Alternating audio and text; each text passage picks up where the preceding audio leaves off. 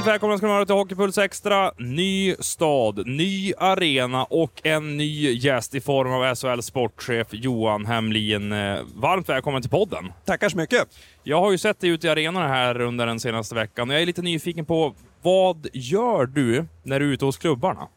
Ja, eh, jag reser runt väldigt mycket på matcherna. Sen är det lite speciellt när det är eh, slutspel, men som typ idag till exempel då när vi har eh, Rögle-Skellefteå så eh, går jag in till Rögle, pratar lite med dem, tränarna, sportchefen, kanske lite klubbdirektören. Det är alltid lite mera folk och lättare när det är hemmaplan på det viset. Sen ligger jag lite lågt när det är viktiga matcher och matchdag för de har mycket att göra men jag går in där och är tillgänglig, tar några frågor eller om jag har någonting som jag vill förmedla. Sen är jag inne hos domarna. De är anställda av SHL, så jag har fyra domare på plats och en domarcoach. Vi har också lite frågor och tankar och funderingar som vi dryftar. Eh, jag har träffat lite media och nu sitter jag med dig här. Eh, och så har jag varit inne till eh, Skellefteå, pratat med coacherna där, med läkaren där och haft ett längre snack med Niklas och Erik, då, sportcheferna i Skellefteå, om diverse frågor. Så... eh, Du ja, gör var ganska mycket med andra ord. Ja, men... För jag tänkte att du bara hängde med sportchefen, hade det lite gött nu när det är slutspel och publiktryck och allt vad det är på arenorna. Ja, det, det är gött med publiktryck, det är gött med matcher. Eh, men man får ju kanske sovra vad vi ska prata om när det är sådana här matcher. Jag menar med Skellefteå och AIK, då pratar jag mycket damhockey. pratar vi i korridoren till exempel. Så att eh, det beror på lite grann vad som är på agendan. Men jag är tillgänglig och jag tycker det är roligt. Jag tycker det är viktigt att vara närvarande. Apropå publiken.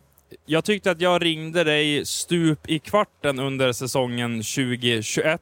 Under pandemisäsongen om vi ska kalla den så. Med tanke på att det var inställda matcher, det var flyttas speldatum och så var det ju bara 50 åskådare mestadels i alla fall under den säsongen.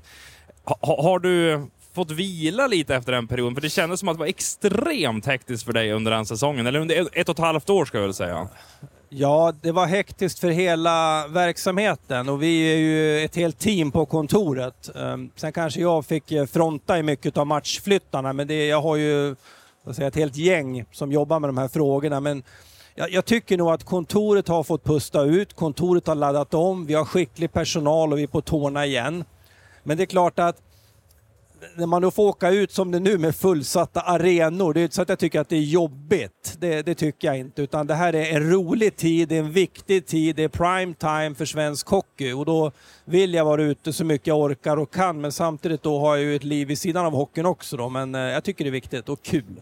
Men med tanke på att det är lapp på luckan i SHL och även i Hockeyallsvenskan, är du förvånad över det med tanke på världsläget, den pressade ekonomin, det är höjda räntor, det är elpris som har skenat iväg, att folk ändå prioriterar ishockeyn på det här sättet? Ja, hade någon sagt inför säsongen att ni kommer slå publikrekord, då hade man kanske sagt ja men det hoppas vi, men innerst inne är det rimligt att tro det? Är vi där redan nu? Så vi är nog alla lite positivt överraskade, det tror jag. Hur mår SHL-klubbarna idag, 2023, kontra 2019, 2020, innan pandemin slog till? Är det ungefär samma ekonomiska status eller är det till och med att man börjar kunna utveckla de här bitarna och stegra och bli ännu starkare? Jag, jag, jag tror nog rent generellt att vi är ganska lika, men däremot har vi lärt oss väldigt mycket under pandemin. Alltså klubbarna trimmade organisationerna, de ser till att de har eh, Eh, koll på sin ekonomi. Jag tycker att det finns en beredskapsförmåga och en flexibilitet som man har tränat på, då, tyvärr till ett högt pris. Eh, så att eh, lika många avseenden och lite bättre rustade rent, återigen då, organisatoriskt, flexibelt och de här delarna. Njut av Max Selection El Maco med Premium Beef. Vår saftiga och lyxiga burgare av 100% svenskt nötkött och 100% fantastisk smak. För ett ännu godare McDonalds. Du har ju kontinuerliga möten med eh, anställda i SHL och även sportchefer runt om i klubbarna. Och det är ju även ett, är det ett årligt sportchefsmöte, kan man kalla det så, när ni drar till USA och hänger lite grann och har en konferens och diskuterar dagens ishockey här och nu? Nej, man kan säga så här att eh, det är lite speciellt under slutspelet. Då har vi lite färre möten. Annars har vi teamsmöten kan man säga var tionde dag. Vi har sportchefsmöte heldag eller två dagars tre till fyra gånger per året.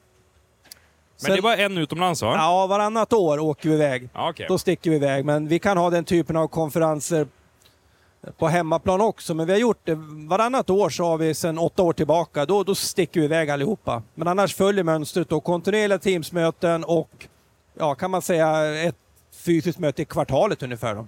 Är det några sportchefer du inte kan placera bredvid varandra? För då vet du att okej, de här är ilsknar till och de kommer bara börja bråka med varandra. Nej, men jag kommer ihåg för några år sedan när vi åkte till USA. Då var det två sportchefer som var riktigt i luven på varandra när vi skulle åka och de hamnade bredvid varandra på planet. Så det var lite halvkul faktiskt. Men du måste ju namedroppa dem nu. Vilka var för det om det är några år sedan? Eh, jag kommer inte ihåg om det var... Nej, om Micke Sundlöv uh, kan ha varit inblandad där. När han var i Brynäs då? Ja, precis. precis. Måste tänka nu. Eller om det var Bengt C. Ja, det var någonting där i alla fall. Det var någon sån här, om det var någon eh, match som hade hänt någonting med vet, någon domare eller någon kommentar eller någonting sånt där som stod och muttrade på varandra. De hamnade bredvid varandra. Men de var polare sen när vi landade i USA, så det var ingen fara. Ja, då kanske behövde det där flygresan Ja, över för att ja. tala ut egentligen. Ja, det var lite kul. ja. Men du, vad stod på agendan nu senast när ni var där några dagar i USA? Eh, bara juniorhockey kan man säga. Vi hade lite så här eh, get together, alltså lite presentationer och annat. För det var en hel del nya, vi hade inte träffats under liksom, pandemin på det viset. Så att vi fick borra lite där. Men annars var det tema bara juniorhockey, ingenting annat. Förutom då tre matcher och ett studiebesök. Och där kan man säga att det mynnade ut i ett tiopunktsprogram som vi nu har skickat över till Hockeyförbundet. Eh, där vi har lite synpunkter och tankar och funderingar kring svensk juniorishockey. Det innefattar, kan man säga, en översyn av J18-serierna och J20-serierna, framförallt slutspelen, där vi vill ha lite fler och längre och tuffare matchserier. Vi kan se att vi internationellt ligger lite efter när det gäller jämna, heta matcher, både i grundserien och i slutspelet. Så här vill vi titta lite på och så gäller det att ha respekt då för hur seriesystemen är uppbyggda, vilka lag som är med och, och att det fungerar rent tävlingsmässigt. Men det är vår vision och vår målsättning i alla fall. Eh, sen har vi också tittat på frågan kring våra hockeygymnasier. Alltså vad som är bra och mindre bra där och kunna trimma den utbildningen ännu bättre och kanske också då lyfta alla gymnasier under den yttersta eliten. Men vad identifierar ni där då som var mindre bra och även i klassen bra då? Ja, men vi håller på med utvärdering och då tittar man kanske på ja, men dels hur intagningen ser ut men också instruktör, instruktörstätheten. Hur är det med gymmet? Vilka program har man på skolan? Och hur får man ihop allt det här? Vi rullar ut ett stort projekt nu inom, inom SHL som vi kommer att även ta in på andra hockeygymnasier där vi på sidan av ordinarie hockey och skolutbildning kommer att arbeta med matchfixing, med nollvision, med psykisk ohälsa, med spelmissbruk och så vidare. Så att vi tillsammans med ordinarie skolutbildning och hockeyutbildning kan få ut ännu mera. Så det, det vill vi rulla ut. Sen har vi också tagit beslut om att alla U14-spelare i alla SHL-klubbar ska genomgå en domarutbildning i år. Där tror jag både Hockeyallsvenskan och Hockeyettan kommer att hänga på. Och det har ju att göra med att eh, dels underlätta nyrekrytering men också få en förståelse för yrket, eh, hur det hänger ihop då. Eh, så vill vi utvärdera TV-pucken. Kanske inte själva turneringen som sådan, men förberedelsetiden för att spela TV-pucken. Det är väldigt mycket ändå där med, med träningar och uttagningar och grejer. Och där, har vi en liten känsla av att det läggs väldigt mycket tid, kraft och pengar på att förbereda sig för en sån turnering. Där kanske man skulle kunna hitta lite begränsade former, att man inte behöver ha så omfattande program innan man spelar. Det är inte vårt bord, men vi kan ju ha en åsikt i frågan i alla fall. Sen hade vi med förbundskaptenernas chef Anders Lundberg från Hockeyförbundet. Där vill vi också att man utvärderar resultaten och uppläggen på alla våra junior landslag till exempel. Eh, vad man kan göra bättre kring turneringar och upplägg och de här delarna. Nu satsar vi på en ny J18-turnering i Kanada som vi då har lyckats lösa med, med förbundet. Så det är några av de grejerna som vi liksom kunde ta upp på den här konferensen. Eh, det här är ju väldigt intressanta punkter allting. Det låter ändå som att ni står på ganska många ben här. Är det, är det lite för många för att ni ska ha tid till allting eller känner du att ni kommer klara av det tillsammans med förbundet att titta över de här bitarna? Jag menar, SHL vill ta ansvar så långt det är möjligt och jag tycker det är bra av sportcheferna att de orkar som du är inne på. De har tuffa jobb i sina respektive föreningar men vi vill ta ett ansvar och hjälpa till och lyfta svensk hockey på alla plan. Och där kan man ändå konstatera att som SHL-klubb idag så du har en kompetens, det finns en organisation, det finns resurser, vi är utspridda i väldigt många distrikt och regioner. Och då kan man ju hitta synergieffekter här. Till exempel att man bjuder in lokala tränare att kanske jobba med tränarna på hockeygymnasiet en kväll, hur vi jobbar kring de här frågorna. Eh, så det tycker vi är viktigt. Och det här med domarutbildningen tycker jag, den är ju solklart att vi inte har kommit på den tidigare. Det är ju bara ett underbetyg till oss själva. Så vi försöker att vara med och hjälpa till och stötta på andra plan också. Vi är specialister på det vi gör, precis som du. Därför försäkrar vi på Swedea bara småföretag, som ditt. För oss är små företag alltid större än stora och vår företagsförsäkring anpassar sig helt efter firmans förutsättningar. Gå in på swedea.se företag och jämför själv.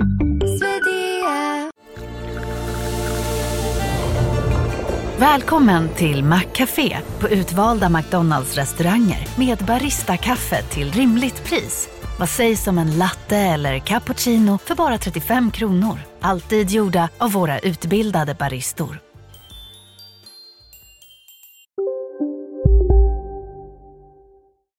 Apropå juniorbiten där, min kollega Sanne Lindström på Expressen, här Simon, alla vet vem Sanne är. Han skrev en tyckare här för några veckor sedan i Signerat Sannet som vi producerar lördagar, att man kanske ska begränsa antalet underåriga i J20 och J18-serierna. Så att de här killarna då, i det här fallet, det är ju även tjejer som kan spela juniorhockey, det ska vi tillägga, men att de ska få utvecklas i rätt miljö innan de är redo för nästa steg. Vilket både kommer att stärka deras framtid, deras utveckling här och nu, men även klubbarna och de där lagen, att vi kanske får se dem... Eh, eh, J18 och J20 var starkare än vad de är just nu. För att det är en sån stress hela tiden. De ska upp, de ska upp i systemet, de ska upp i A-laget. Det är väl agenter som trycker på, föräldrar och allt möjligt. Diskuterar ni de här bitarna? Abs absolut, ja, men du är helt inne på, på rätt spår. Vi har pratat om Ska man ha 18 eller 20 plus 2 på laguppställningen så att spelarna är mer aktiva och spelar när de är ombytta för match? Vad kan man göra istället? Och precis det du är inne på, just det här första året på ett hockeygymnasium när du kanske flyttar, det är mycket träning, det är, ska tänka på kostbiten, det blir eh, tuffa matcher, det är en hårdare konkurrens. Vad händer där? Det är du inne på också, det här med uttagning, du har landslag, du har en spelaragent, du har tränare, föräldrar. Och då får man också titta på att ja, ibland kanske det är bra att begränsa och ibland är det inte bra. För att vi måste låta de som är mogna, har förutsättningar, ligger i framkant. För dem kanske det är bra att flytta upp, men inte för alla.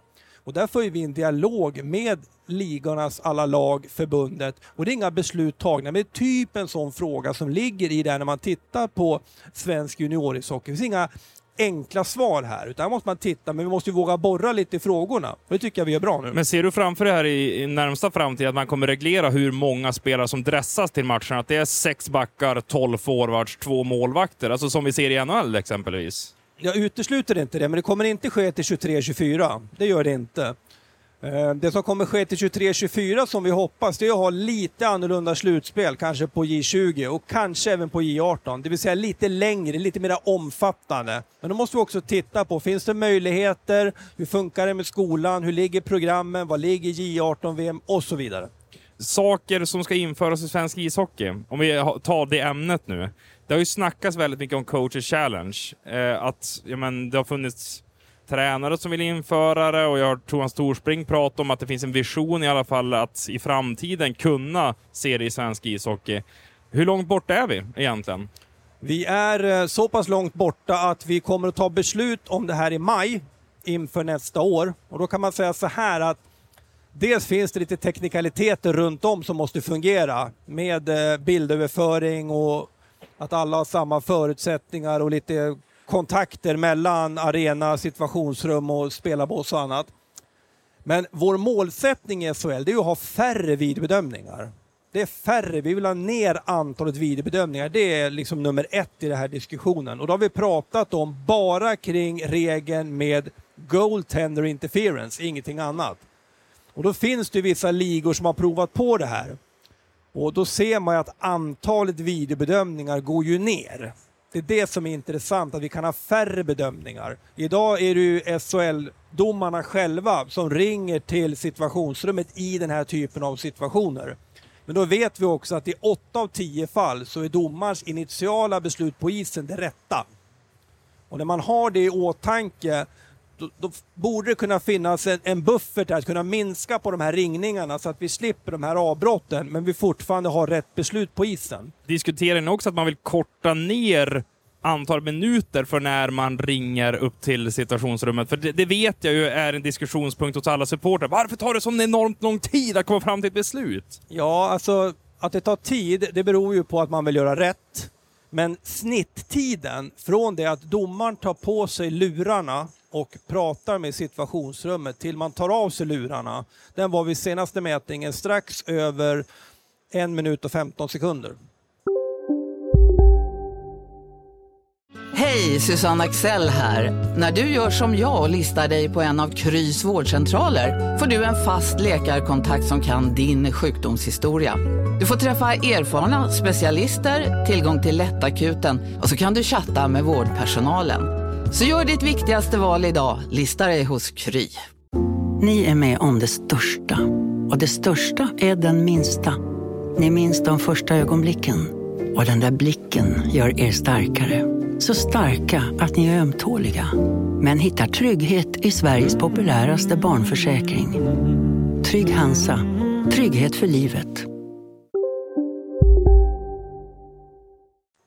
Okej, det är ju förvånande faktiskt. För att jag skulle gissa att snitttiden låg närmare kanske tre minuter. Eller något Ja, men vi som tittar på hockey, vi mäter ju från, kan man säga då med ögat, att nu gör domaren signal för en videobedömning och då ska du åka dit på med lurarna, av med lurarna, hjälmen ut och meddela och då blir ju tiden längre. Vi mäter ju hur lång konversationen är mellan rummet och domaren. Och det kan ju också vara bra för supportrar att veta att redan när en domare initierar en ringning så kollar ju situationsrummet på situationerna. Så att de är ju redan förberedda när domaren tar på sig lurarna. Ibland kan det dröja med bildöverföringen från just den kameravinkel som man vill ha. Då kan det ta lite tid. Eh, sen är det också en viktig del att komma ihåg det är att alla mål kollas ju av situationsrummet. Varenda mål. Så domaren släpper inte pucken förrän han får ett OK från en av utsedd person i speakerbåset. Men då pratar de om de här svartvita bedömningarna. Så att det finns ett väldigt eh, rigoröst system kring de här delarna. Sen är det 350 matcher, det är mycket mål och det är mänskliga faktorn. Ibland blir det en felbedömning, absolut. Men alla som får vara med och titta en kväll i situationsrummet har en helt annan uppfattning när de går därifrån än vad de kanske hade när de klev in där. Så att vi är rätt nöjda med det. Yes, det är alldeles strax nedsläpp här, så vi kommer inte kunna ta alla punkter som jag hade planerat att prata med dig om. Men jag undrar så här, framgent, SHL, 14 lag. Tänker ni att det kan finnas potential för att den ligan kommer bli större, att det kommer välkomnas fler lag framöver? 16, 18, 20. Det är ju väldigt många som har åsikter om det här. Hur ser du på det? Ja, jag säger så här, jag har varit med så pass länge. SHL äger inte de här seriefrågorna Nej, det vet jag att förbundet gör, men hur ser ni på Precis. det? Ja, och vi ser så här. Kommande år så kommer vi utvärdera det här nya systemet som vi har idag. Och det ligger i planen från Svenska ishockeyförbundet. Och då tittar man utifrån publikaspekterna, man tittar utifrån de sportsliga aspekterna och utifrån alltså säga, tillväxt och få snurr på hela, hela verksamheten. Och jag vet inte var klubbarna står där idag. Och det är ju våran uppgift i SHL att samla då de 14 klubbarnas åsikter kring det här systemet. Så att jag utesluter ingenting. Men nu ligger det en utvärderingsplan här som kommer ske 23, 24, 24, 25 och sen samlas ju svensk hockey och tittar. Vad är, vad är bra att ha för system? Så efter 2025 kan det bli ett nytt system helt enkelt? Då? Ja, då tas ett beslut. Sen får vi se när det implementeras. Jag är inte inne riktigt där för att det där är ju Hockeyförbundets beslut. Jag konstaterar bara att vi kommer utvärdera och göra vår hemläxa kring vad som är bra för svensk hockey. Men då undrar kanske många, varför skulle SHL-klubbarna vilja välkomna fler? Det betyder att det blir ännu färre miljoner till dem om det skulle vara fler lag i ligan. Jag tänker på den centrala potten på just nu då, 45 miljoner kronor. Det skulle bli ännu färre, alltså fler om kakan så att säga. Ja, men jag tror inte man ska... Det är väldigt många som bara tittar på de centrala medlen, vad vi betalar ut. Det är ju en del av klubbarna. Sen har du ju publiktillförseln, du har ju intresset, du har ju människor som engagerar sig inom hockeyn. Du har ju andra aspekter. Men väldigt många fastnar ju i den där delen som du tar upp. Va? Men klubbarna har ju en palett av olika frågor när man utvärderar sådana här delar. Men det, det är väl ändå sant i det att skulle det vara fler lag i högsta ligan så är det färre miljoner till de lag som deltar. Ja, det är klart. I slutändan. Ja, det, det, så kan det För ju det vara. finns ju en total pott som ja, man ändå absolut. delar på. Men om det är ett större intresse och mera folk som tittar på hockeyn, då genererar det också mera. Så då tänker du att kanske Simon vill betala ännu mer helt enkelt? Nej, jag konstaterar ingenting. Jag konstaterar bara att du måste göra en helhetsbedömning kring de här frågorna. Hur ser egentligen alltså ditt avtal med SHL ut? Eh, Har du skrivit ett långtidskontrakt eller hur, hur funkar det egentligen som sportchef för ligan? Det där har jag aldrig riktigt tänkt på förrän när vi sitter här, du och jag. Ja, jag, ja nej. Nej men jag, är, jag är fast anställd i SHL och har varit det i över snart nio år. Ja, hur trivs du med det? Det är ett decennium.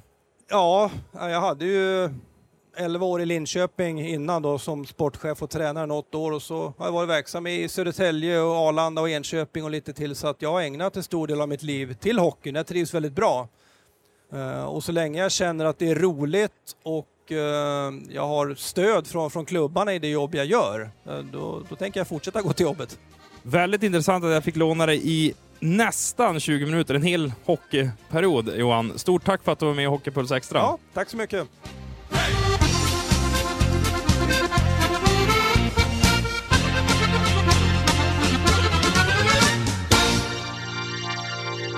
Du har lyssnat på en podcast från Expressen. Ansvarig utgivare är Klas Granström.